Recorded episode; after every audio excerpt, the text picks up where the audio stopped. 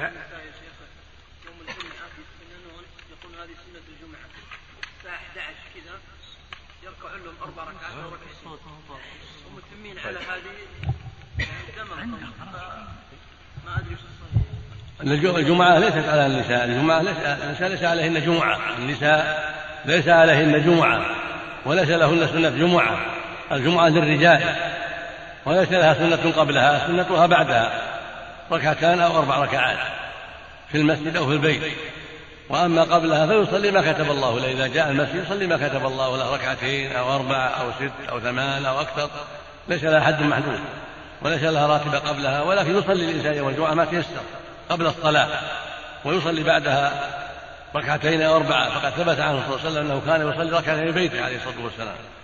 وقال من كان مصليا بعد الجمعة يصلي أربعا. فإن صلى أربعا فهو أفضل وإن صلى اثنتين كفى ذلك. وأما النساء فليس عليهن جمعة إذا صلينا في بيوتهن. وإذا صلينا الضحى تكون صلاة الضحى من صلاة الجمعة؟ إذا صلينا في بيوتهن الضحى يوم الجمعة هذه يقال صلاة الضحى؟ من سنة الجمعة يقال صلاة الضحى. أما إن صلينا مع الناس في المسجد فإنهن يصلين مع الناس كصلاة الناس ركعتين يوم الجمعة تجزئهن, تجزئهن عن الظهر. إذا صلت المرأة مع مع الناس في المساجد يوم الجمعة أجزأتها الجمعة الظهر.